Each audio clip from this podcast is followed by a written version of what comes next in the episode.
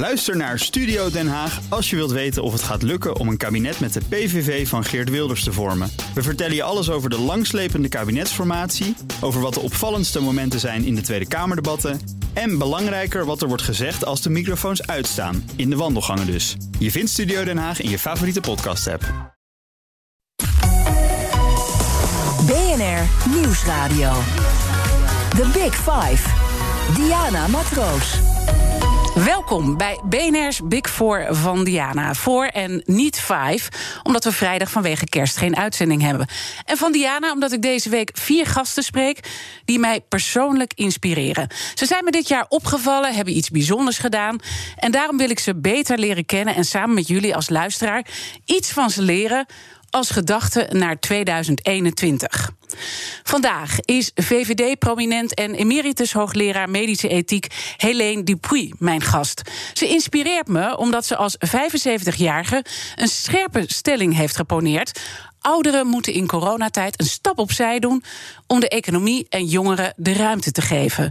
Van harte welkom. Dank je. Wanneer was het moment dat u dacht: ik moet dit echt uitspreken? Nou, mijn partner is ook uh, in de geneeskunde altijd bezig geweest, oud-hoogleraar uh, hepatologie, leverkunde. En uh, we hebben het eigenlijk samen gevonden. Hij heeft het als eerste genoemd en we hebben erover doorgepraat. We zeiden, ja, daar moeten we eigenlijk op doorgaan. En hij heeft ook een stuk geschreven, dat heeft hij rondgestuurd aan vrienden. Maar daar waren de reacties nog vrij negatief. En toen dacht ik, nou, we moeten toch voortzetten. Dus, en toen geleidelijk aan, ja, dan belt wel eens een journalist om nog wat achtergrondinformatie te, te krijgen. Dat, dat overkomt nog vrij regelmatig. En nou, zo ben ik dan uiteindelijk toch ook uh, aan, woord, aan het woord geweest in allerlei interviews daarover. Ja, en, en er zit dus ook iets in u, hè, want het is bij uw man begonnen, maar er zit ook iets in u dat u zegt van. Dit is zo belangrijk, want het is een scherpe stelling. Ik moet dit vertellen. Ja, en nou wat ja, is dat? Ja, ja, ik ben natuurlijk mijn hele leven bezig geweest met eh, de vraag: hè, wat is goed? En met name wat is goed in het kader van gezondheidszorg. En daarover gaat natuurlijk medische ethiek. En ja, ik werd dus onaangenaam getroffen door uh, uitspraken van, ik zal het maar eerlijk zeggen, Hugo de Jonge, die dan zegt: elk leven telt. En dat is onzin. Uh, het leven van een jongere is wat anders dan het leven van een oudere. En dat speelt altijd al in de geneeskunde. Dus het is niet zo dat je jongeren dezelfde behandeling geeft als ouderen. Een heleboel ouderen krijgen zware behandelingen, krijgen gewoon niet meer. Dus dat is, dat is een normaal gebeuren. En dat moet natuurlijk ook hier gewoon toegepast worden. En nu ineens om dan te roepen: ieder leven telt. Ja, menselijk gesproken is het zeker waar. Maar het, als het gaat over behandelen, is er alle reden om uh, de, de ouderen, de zeer ouderen, uh, waar ik mezelf ook toe reken, uh, de, om die terughoudend te behandelen. En er staat vandaag in de krant een chirurg die een, ja, een soort noodkreet uitroept van ja, ik heb een jonge man die heeft kanker en die moet ik opereren. En die, dat kan dan niet omdat er een hoogbejaarde mevrouw op de IC ligt. Ik vind dat dat eigenlijk ongepast is. Ja. En een fout begrip van ethiek. Ik, ik, en ik voel, uh, als u het zegt, ik voel de gedrevenheid uh, bij u. Nou heeft u natuurlijk al in uw hele uh, carrière al veel aandacht besteed aan de publieke zaak. u heeft ook gestreden voordat we regie in ons eigen leven hebben. Als Zeker. het gaat over het publieke debat rondom levenseinde. En ik zit dan toch ook bij u naar die drijfveer te zoeken. Wat, wat zit daaronder? Is dat die uitspraak die Aristoteles ooit deed? Aristoteles, ja, die heeft veel uitspraken ja. uh, gedaan. Ik maar weet er is niet eentje op... die, uh, die u inspireert. Ook uw afscheidsreden heeft ja, een titel dat gekregen. zoeken naar het goede leven. Ja, inderdaad. Uh, ja, dat hoort natuurlijk bij moraal. Als je uh, vraagt waarover gaat het in moraal. En moraal is eigenlijk het geheel van opvattingen over goed en kwaad die wij erop nahouden. Dan, dan is, uh, als het goed is, een gek woord hier. Dan, dan ben je op zoek om op een fatsoenlijke manier met, met elkaar als mensen samen te leven. En dat is bij Aristoteles het punt. Dat de mens een sociaal wezen is die in de reden maar ook wel met zijn gevoel. Maar dat is minder belangrijk bij de oude Grieken. Die in, met zijn reden probeert uh, een fatsoenlijk bestaan met elkaar te leiden. En ja, dat is altijd mijn drijfveer geweest. Dat vind ik dus ook, dat wij allemaal die plicht hebben. Ja, in de jaren negentig schreef de Groene Amsterdammer al over u. Uh, dat u zich meer koopman dan dominee voelt. Is dat het ook? Ja, uh, dat weet ik nog. En ik uh, vond het echt belachelijk. Maar dat ging toen over Waarom? de vraag naar de kosten in de gezondheidszorg. Ja. En ja, dan had links had altijd zo de neiging, die, die, dat is geen punt. Maar het is natuurlijk wel een punt. Want als je aan één persoon honderdduizenden euro's, en het gebeurt niet in het kader van corona misschien, maar het zal ook wel gebeuren in het kader van corona, maar niet zo vaak dat je aan één moment honderdduizenden euro's besteedt, gaan ze niet naar een ander. En dat op, op een duur gaat het systeem daardoor kraken. Dus de, de issue is altijd geweest in de gezondheidszorg ook. Van uh, ja, hoeveel geld besteden we aan welke groepen patiënten, aan welke groepen ziekten. En binnen die patiëntengroep aan welke mensen dan in het bijzonder. Dus dat, dat is altijd een probleem geweest. En in de jaren negentig was de commissie Dunning. En daar zat ik ook in, uh, toen nog namens D66. En uh, daar was dit het thema. En daar, daar, daar kwam ook die opmerking uh, toen vandaan. En u haalt het zelf ook al eventjes aan. Hè? Ik als 75-jarige, en ik benoem dat dan ook even. Ik kan me ook voorstellen dat u zich persoonlijk ook in deze tijd ook best kwetsbaar heeft gevoeld. Ja, dat is zo natuurlijk, maar daar moet je zelf dan op reageren. Dat hoeft de ander niet voor je te doen. Dus wij zijn heel voorzichtig. Ja. Maar het is ook weer zo dat. Uh, het niet zo is dat dat zo moeilijk is uh, om oud te zijn. Nu, ik denk dat wij eigenlijk de groep zijn die het minst lijdt. Uh, fysiek en sociaal en economisch gesproken onder dit drama. Want het is natuurlijk een gigantisch drama. Ik vind het een vreselijk drama, de hele ellende van deze crisis. En ik vind het het allerergst voor de jongeren. En natuurlijk ook voor de mensen die hun banen verliezen. En ja, wij, wij krijgen ons pensioen. Uh, wij zitten prettig thuis. Wij hoeven niks. Wij hoeven niet de weg op. We hoeven niet in het verkeer. Uh, ja, dan is het ook dus niet zo moeilijk. U telt uw zegeningen. U telt uw ja, zegeningen. Ja, ik vind dat wij de, de, de, groep zijn die het beste af is. Alleen ons risico, als we het krijgen, is behoorlijk groot. En daar, daar is echt geen twijfel over. En, en bent u daar dan wel eens onzeker over? Ja, ik vind het wel jammer als het uh, afgelopen zou zijn. Maar het is geen drama. Maar dat heb ik altijd gehad, want ik vind dat je, dat is ook oud-Grieks. dat komt uit de Stoïcijnse leerschool. Uh, ja, dat je ook moet leven met het idee dat het morgen klaar kan zijn en afgelopen kan zijn. En dat is helemaal niet somber, maar uh, dat is gewoon wel een feit. En voor sommige mensen is het daadwerkelijk ook een feit die voor ongeluk of vermoord worden. De vreselijkste dingen gebeuren in de wereld.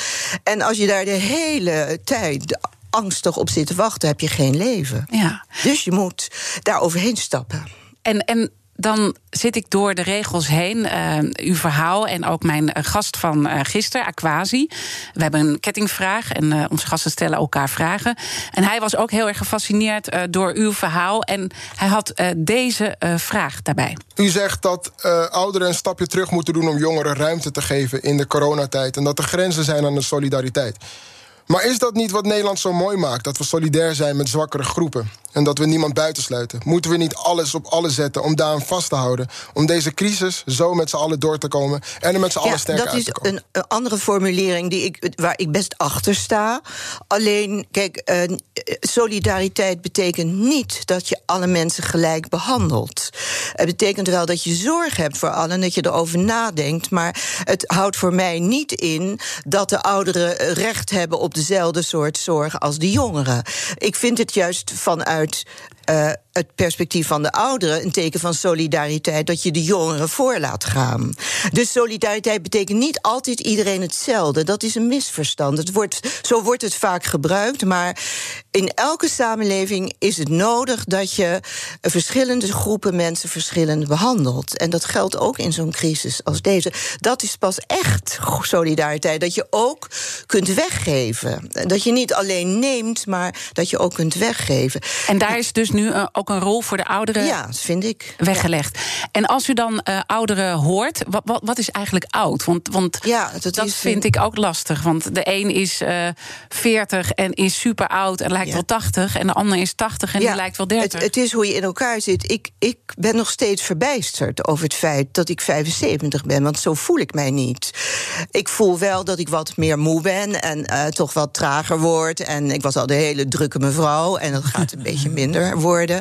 Maar het is nou, toch. Ik voel een hoop power hoor. Nog. Ja, ik heb nog wel enige, enige kracht. Maar het is niet zo dat ik uh, mij oud voel. Maar ik weet dat ik tot die groep behoor. En uh, ja, dat merk ik fysiek ook best.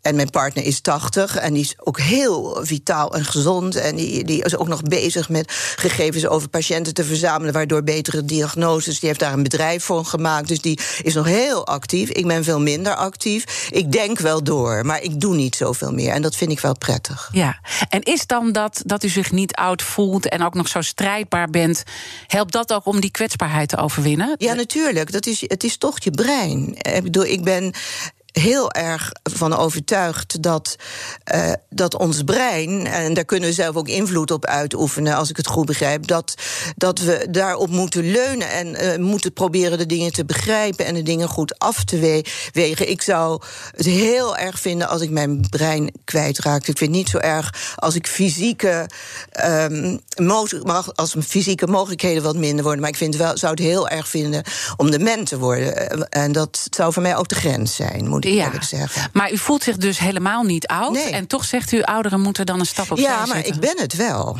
Ja. Dus we moeten de feiten accepteren. En dat vind ik ook helemaal niet erg. Ik, uh, ik zwoeg niet door het leven. Maar uh, nee, ik vind het heel raar dat ik nu zelf tot die groep behoor. Omdat ik mij niet zo voel.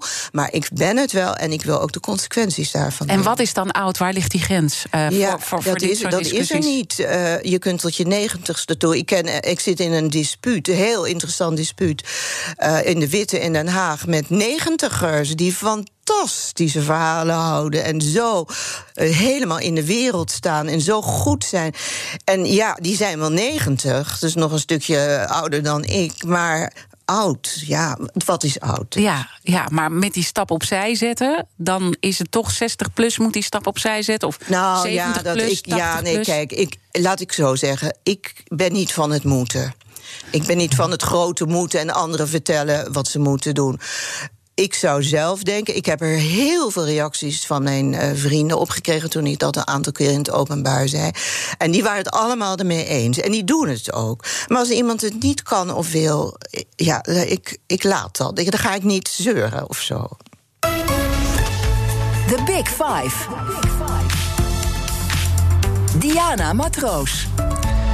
Deze week, in de week voor kerst, de Big Four van Diana... waar ik vier mensen interview die mij persoonlijk inspireren. Ook omdat er iets bijzonders met ze gebeurde dit jaar... of ze iets opmerkelijks hebben gezegd.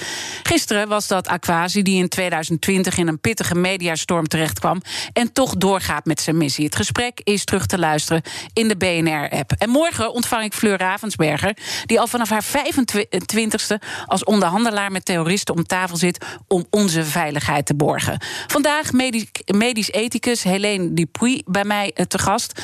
Um, we hebben uh, al uh, nou, het tipje van de sluier opgelicht als het gaat om uw uitspraak. Ouderen moeten een stap opzij zetten in deze coronatijd om de economie en de jongeren de ruimte te geven. Want waar maakt u zich zorgen over als het gaat als die stap niet opzij wordt gezet? Nou ja, uh, er zijn twee factoren. De, de, medische factor, en dat is nu wel duidelijk, is dat de grootste verspreiders van het virus zitten in de groep van 10 tot 20. Uh, en die krijgen het zelf niet, de meeste althans niet, of niet ernstig. Dus die groep die moet sowieso ook, vind ik, het eerst gevaccineerd worden. En niet de ouderen. Wel de zorgpersoneel, uh, het zorgpersoneel, daar ben ik ook heel erg voor dat die, dat die om te beginnen gevaccineerd worden. En dan, ik zou ik zeggen, die jongeren. En dan later wil ik ook best meedoen. Maar de jongeren zijn een hele belangrijke groep. Maar dat is één ding. Het andere punt is natuurlijk dat het voor hen een dramatisch jaar is geweest. En je zou maar eindexamen hebben moeten doen en het gaat niet door. En je zou maar beginnen met de studie op de haven of de universiteit. En het kan allemaal niet. Dat vind ik echt zo tragisch en zo, ook zo triest voor ze. Uh, dus, en dat betekent ook als we, als we zeggen dat moeten we eigenlijk anders doen, dat we dus moeten zorgen dat de, de kwetsbaren niet de reden zijn om allerlei dingen te stoppen. En dat, dat zit bij mij niet lekker. Dat je zegt, uh, nou ja, en wat ik zei van de chirurg, die zegt: ja, ik heb een jonge man, die moet ik behandelen en die heeft kanker. En als je het snel doet, heb je, heeft hij misschien een veel grotere kans als je het lang laat zitten. En dan kan het niet omdat er kwetsbare ouderen zijn. Dat, ja, dat is niet goed. En daar wil ik echt dat we over doordenken. En, en, en ik weet niet uh, waarom Hugo de Jonge daar zo heftig over is. En ik weet ook niet of de Tweede Kamer dat goed begrijpt. Ja, uh, en, en, en dit vind ik dus fascinerend. Hè? Want u bent uh, zelf senator geweest hè, voor de VVD. Heel lang. Heel lang. Ja. u weet natuurlijk hoe de politiek rijlt en zeilt. Wat is dat? Is, zijn het de verkiezingen? Nou, nee. Kijk, ik denk een heleboel mensen uh, zijn erg bang voor de dood. En dat is mij al opgevat, opgevallen in uh, in, in de tachtige jaar, toen ik voorzitter van de Vereniging voor Vrijwillige Euthanasie was, als een pup. Ik begrijp achteraf niet hoe ik het heb gedurfd, maar ik was het. En uh, daar, daar werd ik ook door mensen bejegen. Nou, een Hitler, wat ik naar mijn kop heb gekregen. Niet te geloven. Ik ben zelfs voor naar de rechter gestapt op een gegeven ogenblik, toen het echt te dol werd. En ik denk, wat hebben die mensen nou toch? Want wat gaat het hen nou aan als ik zou besluiten om hè, euthanasie te willen. Dat hoeven zij toch niet. Maar daar zit volgens mij een, bij een aantal mensen een, een soort ingeboren uh, doodsangst. Angst voor de dood. Nou ja, er zullen verschillende dingen spelen. Het heeft ook met religie te maken. Ja, nou ja, als je toch als je heel erg gelovig bent, dan denk ik, waarom zo moeilijk doen? Hè? Een leven na de dood. Ja. Maar daar geloven heel weinig mensen nog in, ook in de godsdienst zelf. Dus dat is lastig. Ja, uh, toch ook intolerantie. Kijk, ik vind dus in, in, in, in het, als het over goed en kwaad gaat, zijn er eigenlijk twee domeinen. Er is een domein waarvan je zegt, ja, dat moeten mensen eigenlijk zelf maar regelen. He, seks, uh, liefde, met wie vrijen en, uh, en ouderschap wel ook, eh, wellicht ook tot op zekere hoogte. En ook de dingen in, in medisch-ethische zaken wel of niet behandelen. Dat is privédomein, zou ik zeggen. En laten mensen daar nou zichzelf kunnen zijn. En dat is natuurlijk een heel ander deel van je handelen als burger in een samenleving. Daar moeten regels zijn. En die moeten ook opgelegd worden, die moeten afgedwongen worden. Maar dat ene domein, daar heb ik altijd voor gepleit. Hou dat nou open. Mm -hmm. Maak niet strakke regels van je mag wel of niet dit aan het einde maar, van je maar leven dit, doen. dit, dit is uh, een pandemie is natuurlijk van een andere orde. Dat is helemaal waar, maar daarbinnen vind ik wel dat de optie overblijft om zelf te zeggen van ik wil al dat gedoe niet, ik wil niet naar de intensive care, ik wil niet dat je me behandelt. En als het erop aankomt en het gaat om hele grote belangen en uh, we zitten niet ver daar vandaan in mijn visie, dan vind ik op een gegeven moment dat je ook als samenleving mag zeggen en nu gaan we voor de jongeren. En degene die de economie draaiend houden. Straks hebben we geen economie meer over. En wat is dat niet een drama? Dus ja, en dat is een beslissing dat hoort bij het parlement. Ja. Ja. En toch, en toch nemen ze hem uh, niet. Overigens heb ik hier met Barbara Baarsma ook over gesproken. Uh, die, maakt zich, die was onlangs mijn gast. Die maakt zich hier ook ongelooflijk druk over. Van die, die, de economie uh, wordt helemaal opgeblazen. De jongeren die komen met een enorme staatsschuld op en hun achterstand in elk opzicht. En ja. achterstand in elk opzicht. dus dat moet veel transparanter worden afgewogen. Ja. En ehm, u ergert zich aan de opmerking van minister Hugo de Jonge. Ja, ja omdat hij het niet toelicht. Kijk, als hij zegt: ieder mens is voor mij even waardevol, dat, dat ben ik met hem eens. Wie zou dat durven ontkennen? Maar als je zegt ze moeten allemaal dezelfde behandeling hebben, dan ben ik het helemaal niet met hem eens. Dat is, en dat zegt hij eigenlijk. Dus dat is heel vervelend. Want, want u zegt eigenlijk uh, zouden we juist, want uh, het, het, werd u ook verweten in eerste instantie, u en uw man, toen u met deze uitspraken kwam, uh, dat het over leeftijdsdiscriminatie ja, gaat. oudere discriminatie komt. En u nou. zegt eigenlijk hebben we in een pandemie zelfs de plicht ja. tot leeftijdsdiscriminatie. Ja, ja, en inderdaad, dan gaan de jongeren voor. In alle opzichten. Maar en betekent ook uh, dat. En dan die ouderen. Kijk, ik begrijp wel dat ze zeggen die ziekenhuizen komen vol te liggen. Maar dan moet je maar niet de ouderen op de intensive care leggen. Uh, dus dan, dat is een andere oplossing dan alle winkels sluiten. En alle scholen sluiten. En universiteiten dicht. Ja, dus ik vind het te weinig doordacht, te paniekerig. En ik vind ook dat uh, in de Tweede Kamer daar zitten wel een paar heel verstandige mensen in, maar ik vind er veel toch ook niet goed genoeg. In de zin van en dat is echt het probleem van de democratie in deze tijd. Dat de feiten waar je mee geconfronteerd wordt, dat is natuurlijk mhm. altijd al, die zijn dermate ingewikkeld en complex. Dat je moet wel een hele goede denker zijn om dat te overzien en dan juiste beslissingen te nemen. En uh, Plato, vierde eeuw voor Christus, vierde, vijfde eeuw voor Christus, die zei al: eigenlijk moet je de wijzen ja. uh, de, de regering uh, laten zijn. Of je moet je de wijze het land laten besturen. Uh, nou ja, en ik vind dat we bij de volgende verkiezing daar eens moeten op gaan letten. Dat we de wijzen in het Ja, want waar merkt u dan dat die wijsheid er nu niet nou, is? op basis domme dingen gezegd. Domme dingen worden dingen geroepen. En, en in plaats dat ze gezamenlijk gaan optrekken, blijven ze nog steeds zitten in hun eigen domeintjes en eigen ideetjes. Het is, het is nu niet meer van belang uh, of jij meer uh, GroenLinks bent of meer VVD. Het is nu van belang dat we hier samen uitkomen. En dan moet je proberen echt naar een goed uh, midden te zoeken. En, en heel je zei het al, uh, je moet transparant zijn. Waarom deze winkelsluitingen? Ik, en te zeggen dat het heeft te maken met mobiliteit, kan dat niet anders geregeld worden. Nou, ik vind er ook weinig creativiteit in, in, in de Kamer zitten, ook bij het RIVM, eerlijk gezegd. Er zijn toch nog wel andere manieren bedenken. Ook zeggen, nou, eh, een, een week laten we een aantal groepen mensen meer in de openbaar zijn en een andere week weer niet. Ik bedoel ik kan het niet overzien en ik heb er geen stand van, maar er moet meer mogelijk zijn dan nu gebeurt. En ik noemde dan even van, hè, van hoe komt dat nou, die houding? Nou, u zegt de wijsheid uh, mist, hè, dat is één, en de, en de creativiteit. En dan moeten we, als het gaat om een nieuw kabinet, moeten we daar beter op gaan letten welke mensen we daar dan neerzetten. Ja, en ook wie in de Kamer gaan. En wie in de Kamer uh, uh, gaan. Maar ik noemde ook de verkiezingen en dan zegt u ja. nee. Terwijl ik denk niemand in de politiek durft nu deze keiharde nee. uitspraak te nee, doen. Nee, want dat is waar. Je, wil geen doden op je geweten hebben. Ja. Want dat is zo. De, zo, zo, wordt, wordt het, het gespind, hè? Maar ja. de dood heb je niet op je geweten. Je hebt, uh, je hebt alleen toegestemd in een systeem waarbij je de mensen die al heel lang van het leven hebben kunnen genieten, dat je die uh, niet meer voor laat gaan. Mm -hmm. En ik moet zeggen, ik vind het ook heel tragisch dat in de verpleeghuizen heel veel mensen zijn doodgegaan en dat is niet gering.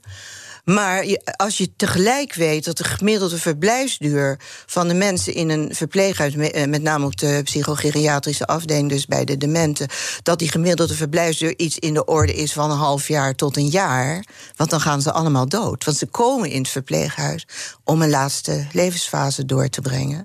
Dan is dat toch een ander gebeuren dan dat je een twintiger uh, zijn hele perspectief ontneemt. Ja.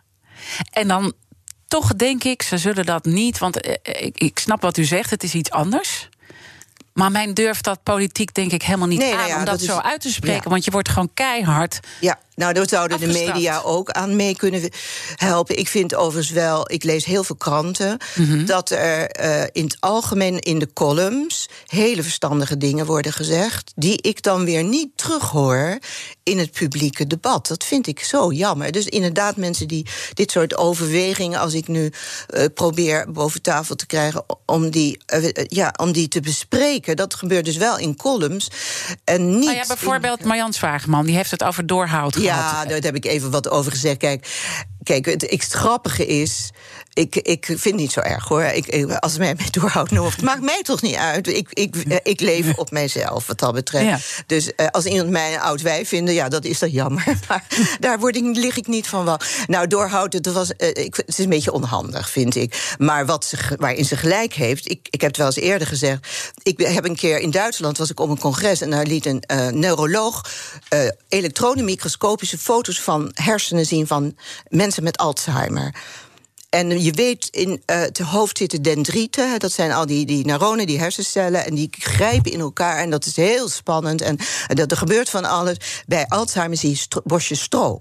Ja, dus daar klopt het, zegt u. Daar is het waar. En dat vind ik ook zo echt komisch. Misschien zat dat ook in haar gedacht. Ik, ben daar, ik word er echt niet boos van hoor. Nee, niet boos, maar, dat... u zegt toch uh, uh, onhandig. En laten we daar dan straks over verder praten. Hoe je het dan uh, wel handig doet. En hoe je wel dan die invloed op een handige manier kan aanwenden. Hoe je dat zelf doet. En ook die pandemie zorgt er natuurlijk voor dat we totaal anders ook over alles gaan nadenken. Onze geest wordt ook nou ja, scherper. Zit erin, ja. Ja, en, en, en wat gaat er? Gaan we ook anders naar de dood kijken? Ik ga het zo meteen vragen aan medisch ethicus Helene Dupuy.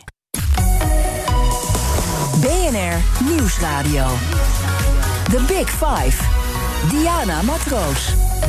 Welkom bij het tweede half uur van BNR's Big Five. Fijn dat je weer luistert. Deze week de Big Four van Diana, waarbij ik vier gasten spreek... die mij persoonlijk geïnspireerd hebben dit jaar, iets bijzonders uh, deden. Mijn gast vandaag is medisch ethicus Helene Dupuy... die als 75-jarige een duidelijke stelling heeft. Ouderen moeten in coronatijd een stap opzij doen... om jongeren de ruimte te geven. En uh, zij heeft dat net ook al uh, uitgebreid toegelicht... hoe ze dat ziet. wat me daarbij nog opviel waren, waren twee dingen. U refereerde ook aan het feit dat als het gaat om vaccineren, hè, want we krijgen natuurlijk nu ook volgende stappen. En, en wat moeten we dan, welke fouten moeten we dan niet meer uh, maken? Dat u eigenlijk, net zoals in Rusland uh, nu gebeurt, uh, zegt eerst zorgpersoneel en de jongeren en pas veel later de kwetsbaren. Ja. Terwijl hier gaat het andersom. Ja, dat is, ik, dat is in mijn ogen echt onbegrijpelijk. Maar het zorgpersoneel, dat vind ik wel. Die moeten echt allereerst en overal uh, worden ja. gevaccineerd. En uh, ja, luister, uh, ik, we hebben het er vaak over thuis, uh, mijn man en ik, dat, uh, dat in een verpleeghuis, waar dus wat ik al eerder zei, mensen hun laatste maanden meestal van hun leven doorbrengen, ga je dan nog een griepprik geven? Ga je ze nog allerlei therapeutische behandelingen, ontstollers, weet ik wat al? Ga je dat nou geven? Of zeg je nee, we zitten in een late fase en we, we, we, zitten hier om, om het lijden te verzachten, om, om, de, om de familie te helpen? Want ik heb zelf ook een demente man gehad. Het is bijzonder zwaar. Dus op een gegeven moment red je dat bijna niet. Uh, maar het is niet bedoeld om uh, mensen weer uh, sterk het verpleeghuis uit te krijgen. Het tegendeel is het geval. Laten we eerlijk zijn, iedereen op die afdelingen verlaat het verpleeghuis tussen zes planken. Maar als, als we het dan hebben over um, ouderen, hè, want in Rusland gaan ze best ver. Hè, de 60-plussers die komen er, ergens uh, onderaan om gevaccineerd te worden. Ja, dat vind ik niet oud hoor. Dat hoort bij mij niet bij de ouderen. Nee. nee ik vind de, de streep ligt bij mij uh, meer mens, bij, bij mijn eigen leeftijd. 75, 75 plus. Ja, vind, want er zijn een heleboel zestigers die ook nog werken. En die, ik, die hebben ook nog niet zo'n lang leven gehad. Ik heb alweer 75 jaar van het leven kunnen ja. genieten. U mag de microfoon ietsje hoger zetten. Ja, dan kunnen, kan ik u nog beter. Ik hoor je goed hoor, maar dan wordt het geluid nog uh, mooier. Uh, Oké, okay, dus die grens ligt daar. Maar je zou ook kunnen zeggen, als nu alles op slot zit, omdat we. En ik weet dat u dat al een verkeerde stellingname vindt dat we dat doen. Hè, maar als alles nu op slot zit, omdat we die kwetsbaren willen beschermen, laten we dan die kwetsbaren als eerste vaccineren, zodat alles weer open kan. Ja, maar niet als ze toch al op het lijstje van magere hein staan. Ja. Dat is natuurlijk bij de, de verpleeghuisgroep.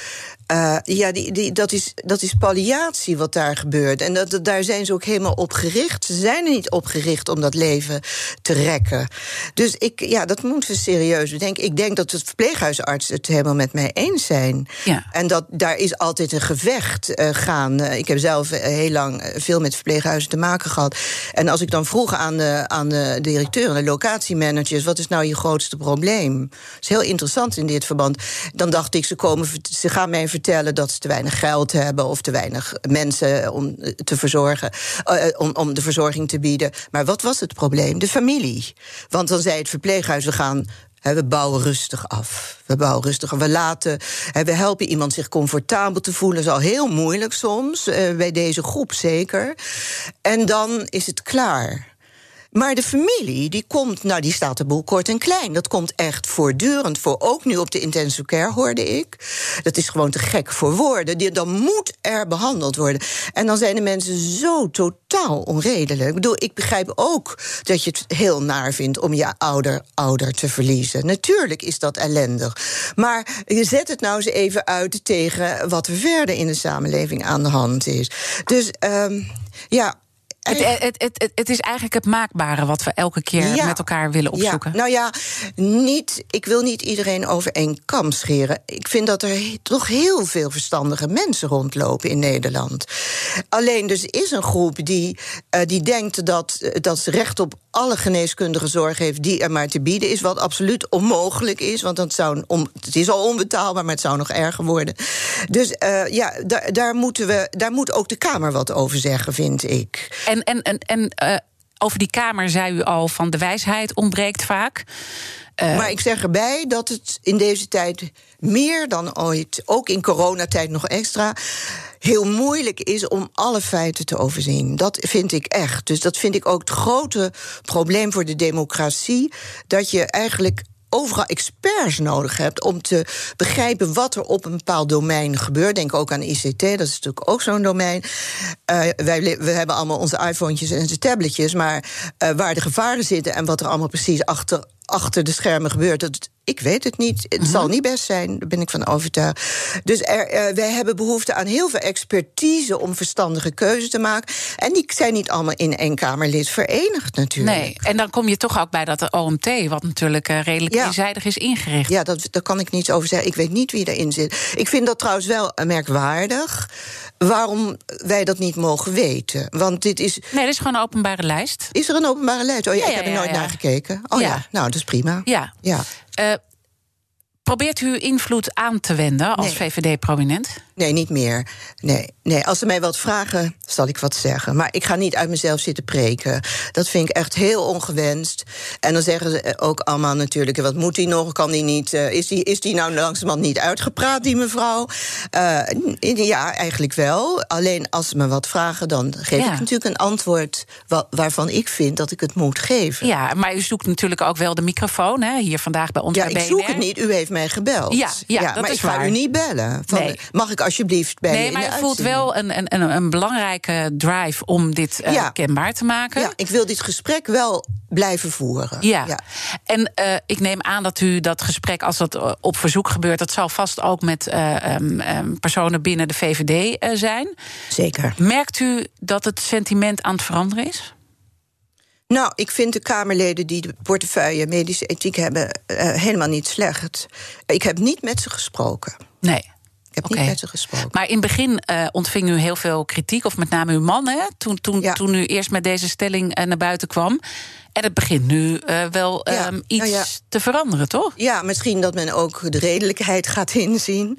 Maar ook dat de nood wel hoger wordt. Het is natuurlijk toch eh, een ernstige tijd met, met grote problemen. Dus we moeten echt wel heel erg goed blijven nadenken over hoe we dit aanpakken. En we zitten natuurlijk ook in een wereld om ons heen eh, waar, waar het ook niet goed gaat. Zelfs Duitsland, wat altijd het zo goed deed, eh, daar hebben ze ook moeite om de zaak onder controle te houden. Dus het is verschrikkelijk moeilijk. En ik zou dat ook gewoon zeggen als regering en als Kamer. eh, we doen ons best en eh, geven ons goede ideeën.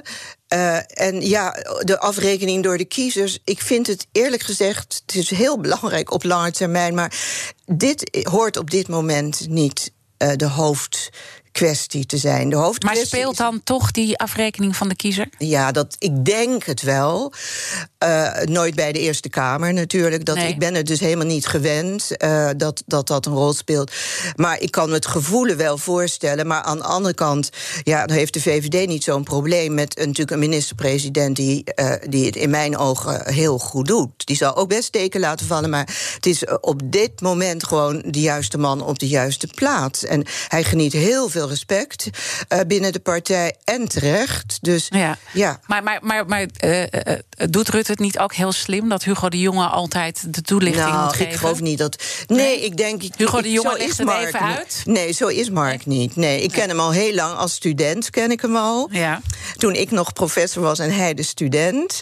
En uh, zaten samen in een universitaire commissie met zeven hoogleraren en zeven studenten. En hij was een van de studenten. En hij was de enige met wie je gewoon ontzettend leuk kon praten. En die ook niet, helemaal niet met al die professoren tegenover hem of naast hem uh, dan onder nee, de indruk maar, maar, was. Maar, gewoon prettig. Uh, maar hij wil natuurlijk wel heel graag weer die verkiezingen uh, natuurlijk ja, winnen. Hè? Dus... Nou, dat weet ik niet eens. Of het is toch een hondenbaan. nou, dat heb ik hem nooit gevraagd. Maar kijk, hij wil het ja. goede doen. Ja. En ik vind ook dat hij, dat hoor ik ook altijd uh, van mensen uit het kabinet, voor zover ik dan nog eens iemand spreek, dat hij toch heel erg ook de teamgeest benadrukt. En dat lijkt me heel verstandig in deze ja. tijd. Maar, maar met zijn team maakt hij dus wel deze beslissing waar u zo valikant op tegen bent. Namelijk nou ja. om de, de, de, ouderen. Dus in die zin, ja, nou ja, dan doet hij het niet goed, me luisteren. Ja. ja, maar ik heb hem ook wel gesproken over de intensive care en hoe dat gaat. Want dat zijn natuurlijk. Dus ik heb ook gezegd, dat moet je aan de dokters overlaten. Je moet niet als Kamer gaan zeggen... nu mogen die en die mensen niet meer op inscannen. Dat moet je niet doen. Nee, je moet... want als we dan kijken naar de lessons learned... Hè, en, en hoe voorkomen we dat we weer dezelfde fouten maken... dan hoor je nu heel erg dat er ingezet wordt, moet worden... op meer IC-bedden, zodat die ja. druk op de IC's niet te groot wordt. Ja. Of je moet minder mensen op de IC opnemen. Dat is het alternatief. Of je moet meer kiezen. Ja, dan moet je dus meer kiezen. Ja, ja, ja. Maar hoe ga je kiezen dan? Ja, nou ja, Want dat dus kwam op precies. een heel eng. Uh, ja, ja, dat, nou ja, dat is de vraag. Uh, ik heb eigenlijk al antwoord op, uh, daarop gegeven. Het is voor iemand, ik bedoel, als jij 80 bent en je komt op de intensive care, je komt er af als een wrak.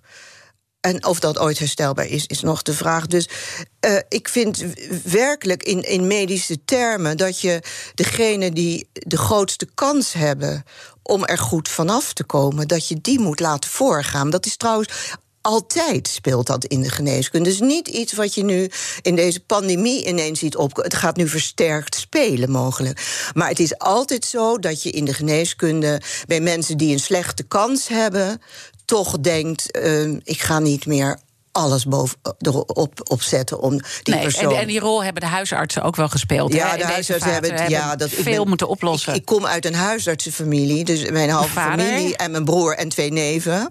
Allemaal hele leuke uh, mannen en heel goed opgeleid, vind ik toch echt. Ik, ik heb zelf in de medische faculteit rondgelopen. Ik vind de huidige huisartsen bijzonder goed en op. En de, hoe jonger ze zijn, hoe meer ze weten natuurlijk. Ze zijn ook hele goede oudere huisartsen. Ze hebben een prachtige rol gespeeld... En laat ze in godsnaam dat blijven doen. Ja, en uiteindelijk, uh, door alle lagen heen hoor ik u ook gewoon zeggen: we moeten anders over de dood gaan nadenken. Ja, maar ja, dat is makkelijk gezegd. Hè. Dat zie ik zelf ook wel. Want uh, ik, ja, mijn hond is net overleden. Nou, ik heb staan huilen als een kleuter. Zo erg vond ik het. Ja. Dus ja. Uh, ja, dat hoort erbij. en uh, dus met de dood omgaan is zo simpel niet. En het is verschrikkelijk om je geliefde te verliezen. Maar naarmate, ik bedoel, als ik denk, oh, toen mijn ouders stierven, die waren heel oud geworden, alle twee. Ik, ik heb ze wel gemist, maar ik vond het geen drama. Ik, ik vond echt, ik dacht, ja, zo hoort het. Ja, en wat is dat dan? Want u beschreef het eerder als een soort angst. Nee, ja, wat is... is dat dat we dat in, in uh, dit land in ieder geval, want er zijn ook andere landen die er anders uh, mee omgaan. Zo ontzettend moeilijk vinden. En over die vraag... Nee, dat vindt iedereen wel moeilijk hoor. Dat iedereen vindt, wel ja, moeilijk. En ik denk de, de zuidelijke landen nog erger dan wij. Want daar is zelfs euthanasie niet mogelijk. Dat had, had veel gedonder. Nou, dat is om, waar. Heeft uh, gelijk. Dus, Italië. Ja, als, als Italië, daar... Spanje. Nou, is, nou, Spanje is nu net aan het kantelen. Ja. Maar dat is, dat is uh, best een, een punt. Maar waarom? Ja. Dank je. BNR Nieuwsradio. The Big Five. Diana Matroos. Je luistert naar BNR's Big Five. Deze week vanwege de kerst de Big Four... waar ik vier mensen interview die iets uh, bijzonders hebben gedaan... Uh, hebben meegemaakt dit jaar en mij inspireren. En dat is vandaag medisch ethicus Helene Dupuy... die op 75-jarige leeftijd uh, de stelling heeft gedaan... ouderen moeten meer een stap opzij zetten... om de economie door te laten gaan, de ruimte te geven... en ook vooral de jongeren ruimte te geven. Want daar maakt u zich zorgen over. We hoorden het net ook al in het verhaal van Jurgen... Hè? Uh, ook Zeker. daar weer zorgen die jongere zakken nu uh, door het ijs. We waren eigenlijk op het punt uh, aangekomen dat er ook een bredere discussie onder ligt over het omgaan met de dood. En of we daar anders mee om moeten gaan, dat we daar anders naar moeten kijken, ook naar de maakbaarheid van ons leven. Denkt u dat door corona we daar anders naar gaan kijken? Naar de dood? Uh, ik vraag het me af. Uh, als je kijkt wat we in de 20e eeuw hebben meegemaakt aan uh, massale slachtingen van mensen. Uh, denk maar aan de Eerste Wereldoorlog, de Spaanse griep toen met 50 miljoen doden. En toen die vreselijke Tweede Wereldoorlog met ook weer zulke afschuwelijke moordpartijen. En is er daarna iets veranderd? Ik ben bang van niet. Want als je eenmaal dat overleefd hebt of dat achter je hebt, dan is het natuurlijk maar één ding wat je wil. Je wil voort, je wil leven. En, en dan is de dood wordt misschien te veel geassocieerd met geweld. En, en dat is ook nog vandaag aan de dag natuurlijk heel veel reden voor. En er gaan toch heel veel mensen door, door, door geweld. En um, dus uh, de associaties met de dood zijn negatief. En uh, ook uh, in je persoonlijk leven, als je afscheid moet nemen uh, van je geliefde ouders, van je andere geliefden. Ik heb twee mannen verloren. En, ik, nou, en vier honden. maar even, je bent voortdurend aan het afscheid nemen. En dat is soms pijnlijk. En ik vind het interessante vraag, en ik heb laatst ook in ons dispuut over gehad. Wat is nou het probleem? Zijn we het pro is het nou het probleem dat wij zelf doodgaan? Of is het dat we steeds uh, rouwen om anderen? Of, uh, je, je kunt over jezelf volgens mij niet rouwen. Je kunt wel zeggen, ja, ik, uh, ik zou eigenlijk graag door willen... maar het lukt dus nu niet meer. En ja dus die, die dood, dat wordt nooit makkelijk. Daar ben ik van overtuigd. Dat wordt nooit makkelijk. Alleen, uh, ik, ik stel de vraag het liefst in verband... want dan heb ik een beetje houvast met de vraag... hoeveel medische ingrepen heb je er voor over om voor te leven? En dat vind ik, dat is wel een vraag waar je wat over kunt zeggen. Want dat gaat over twee dingen. Het gaat over verdeling van de, de medische mogelijkheden, medische zorg. Nou, daar kunnen we wat van vinden. En daar moeten we nu ook wat van vinden, vind ik. Ja, want de zorgkosten zijn natuurlijk onhoudbaar. Ja, ja dan, ik heb acht jaar in de adviescommissie pakket van het Zorginstituut uh, gezeten. En wat je daar dan hoort over wat er voor uitgaven gedaan worden voor enkele mensen met hele zeldzame ziekten aan medicijnen. Dat gaat in de tonnen per jaar. Ik moet zeggen, ik ben altijd havik daar geweest. Ik ben er heel erg op tegen. Er zijn zoveel zorgen en noden. Dat, uh, dat is echt nou ja, het koopmansaspect ja. van de geneeskunde. maar dus, dus de, de ene kant is dat je, uh, dat je als je de, de, de vraag uh, hoe, hoe gaan we met de dood om in verband brengt met de inzet van medische zorg, dan vind ik wel, dan hebben wij wel een, een vast punt. En ene punt maar we is... moeten eigenlijk gewoon een bredere discussie uh, voeren ja. eigenlijk. Want we moeten het ook als maatschappij ja, maar... um, willen accepteren. Ik, ik ben heel geïnspireerd. Maar ik ga niet tegen jou zeggen... Diana, jij moet de dood accepteren. Dat vind ik dus heel raar. Je maar kunt... we moeten er wel over. Ik bedoel, wij, er... wij ja. praten er nu al over. En daardoor worden mijn gedachten ook gescherpt. En mijn gedachten zijn ook gescherpt uh, door de Amerikaanse choreograaf Bill T. Jones. Die was de associate artist van het Holland Festival uh, dit jaar. En hij verwacht dat in de kunst een heel belangrijke rol gaat spelen. Uh, het komende jaar, dus in 2021. Wat is een mensenleven waard? Dat ja. we daar het veel meer over moeten gaan hebben. Dat vind ik, dat, dat, die vraag vind ik uh, niet oké. Okay. Dat Die is ook onbeantwoordbaar. Ik, ik heb mijn, mijn vraag, ik zeg het bewust omdat het ook mijn vak is in de, in de medische context. Hoeveel inzet pleeg je om een bepaald persoon uh, in leven te houden. Dat vind ik, dat is namelijk een vraag. Maar, maar dan praat je toch over, hè, want ook als ik kijk naar uw eerdere stellingnames, dan gaat het ook wat is een mensenleven waard. Nee. Een oudere uh, is het niet waard om uh, als eerste Nee, te het- vaccineren. Een oudere is. Ik- nee, dat is, het, ik vind het woord waard. Dat is een, een moreel eh, evaluatie. Ik zeg, het is, de, er is een, v- mate van voorrang voor de mensen. En dat is altijd in de geneeskunde het geval geweest. Voor mensen die de grootste kans hebben om er goed uit te komen. Dat is een heel ander principe. En ik vind dat mag wel. Dat, dus dat vind ik een, een, een benadering waar je verder over zou moeten praten. Maar het ligt heel dicht bij elkaar, vind ik. Ja, maar eh, kijk, door te zeggen iemand is het niet waard, dan ga je over diens leven een oordeel uitspreken. En dat zou ik absoluut niet willen. Nou ja, je zou ook kunnen zeggen van ehm, iemand heeft al een heel mooi eh, leven Ja. gehad. En, en, en dat is dus wat het waard is. En daar moet je dus nee. dan stoppen. Ja, ik- je kan ja. het ook positief ja, uitleggen. dat kan je zeggen. Dat, eh, dat, is, dat wordt ook wel gezegd. Ja, ik blijf erbij dat ik de, de enige, ook moreel verdedigbare benadering vind. dat je je de vraag stelt: eh, wie komt er het beste uit? En dan zitten we bij de jongeren. Ja. Bij corona. En dat moet dan Maar dan geef je toch een, ook een waarde?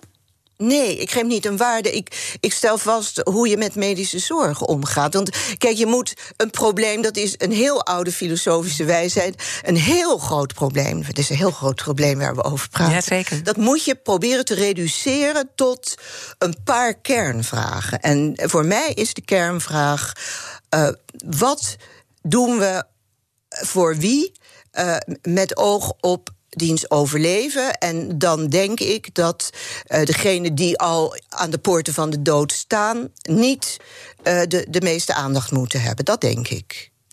Mijn gasten stellen elkaar vragen. U heeft net een eh, vraag beantwoord van mijn gast Aquasi. En morgen dan is Fleur Ravensberger bij mij te gast. Eh, vanaf haar 25ste eh, zit ze als onderhandelaar met terroristen om tafel... om onze veiligheid te borgen. En ze heeft ook een bepaalde drive waarom ze dat doet. Dat gaat ze zeker uitleggen morgen. Maar wat zou u van haar willen weten? Ja, ik vind het, ik vind een hele moedige vrouw. Eh, en met terroristen onderhandelen, dat lijkt mij voor jou als persoon zo verschrikkelijk moeilijk. Want je, je, moet die mensen haten, omdat ze zoveel ellende en geweld veroorzaken. En hoe blijf je dan in staat met hen in gesprek te blijven? Ik vind het heel knap.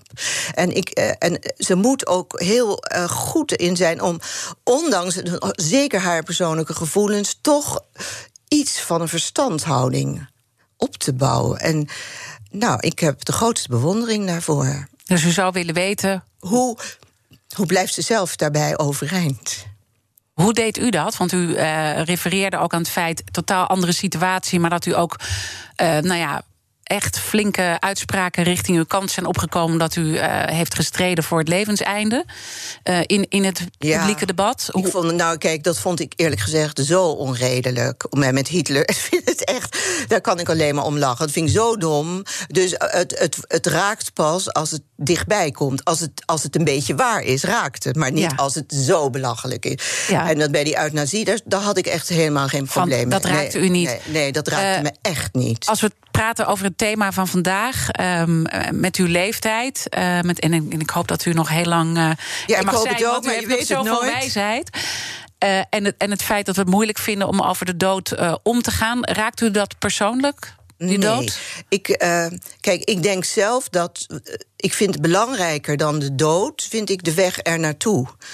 Eh, dus daar ben ik wel over aan het denken. Eh, kijk, als ik door corona overvallen word nou, en je gaat dood, dan is daar ook niks meer aan te doen. Maar het zijn natuurlijk, als je, dat, als je niet door zo'n virus wordt getroffen, dan zijn er heel veel wegen naar de dood. En daar denk ik wel over. eh, wat, de, wat, wat voor mij een acceptabele weg zou zijn. Ja. Door dingen niet te doen, met name. En als het dan het waarde, de waarde van het leven, wat is dan voor u in de kern de waarde van nee, het de leven? waarde van het leven is dat je zelf er bent. En als jij er niet meer bent, is er ook niet om nog daarover na te denken. Dus de waarde van het leven is dat wij het vermogen hebben om erover na te denken. En, en eh, ja, met elkaar over de dood te praten. En ook hoe we er de weg er naartoe. En ook inderdaad hoe we met de geneeskunde omgaan als het gaat om dat levenseinde. Ik, ik vind dat, dat vind ik ook wel een geschenk dat wij als mensen dat vermogen hebben. Ik wil u heel erg danken voor dit uh, gesprek.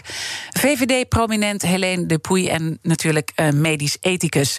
Alle afleveringen van BNR's Big Five zijn zoals altijd terug te luisteren. De podcast in de BNR-app en op bnr.nl. Maar blijf vooral live. Jurgen Rijman, Ask Me Anything... met een heel belangrijk topic vandaag...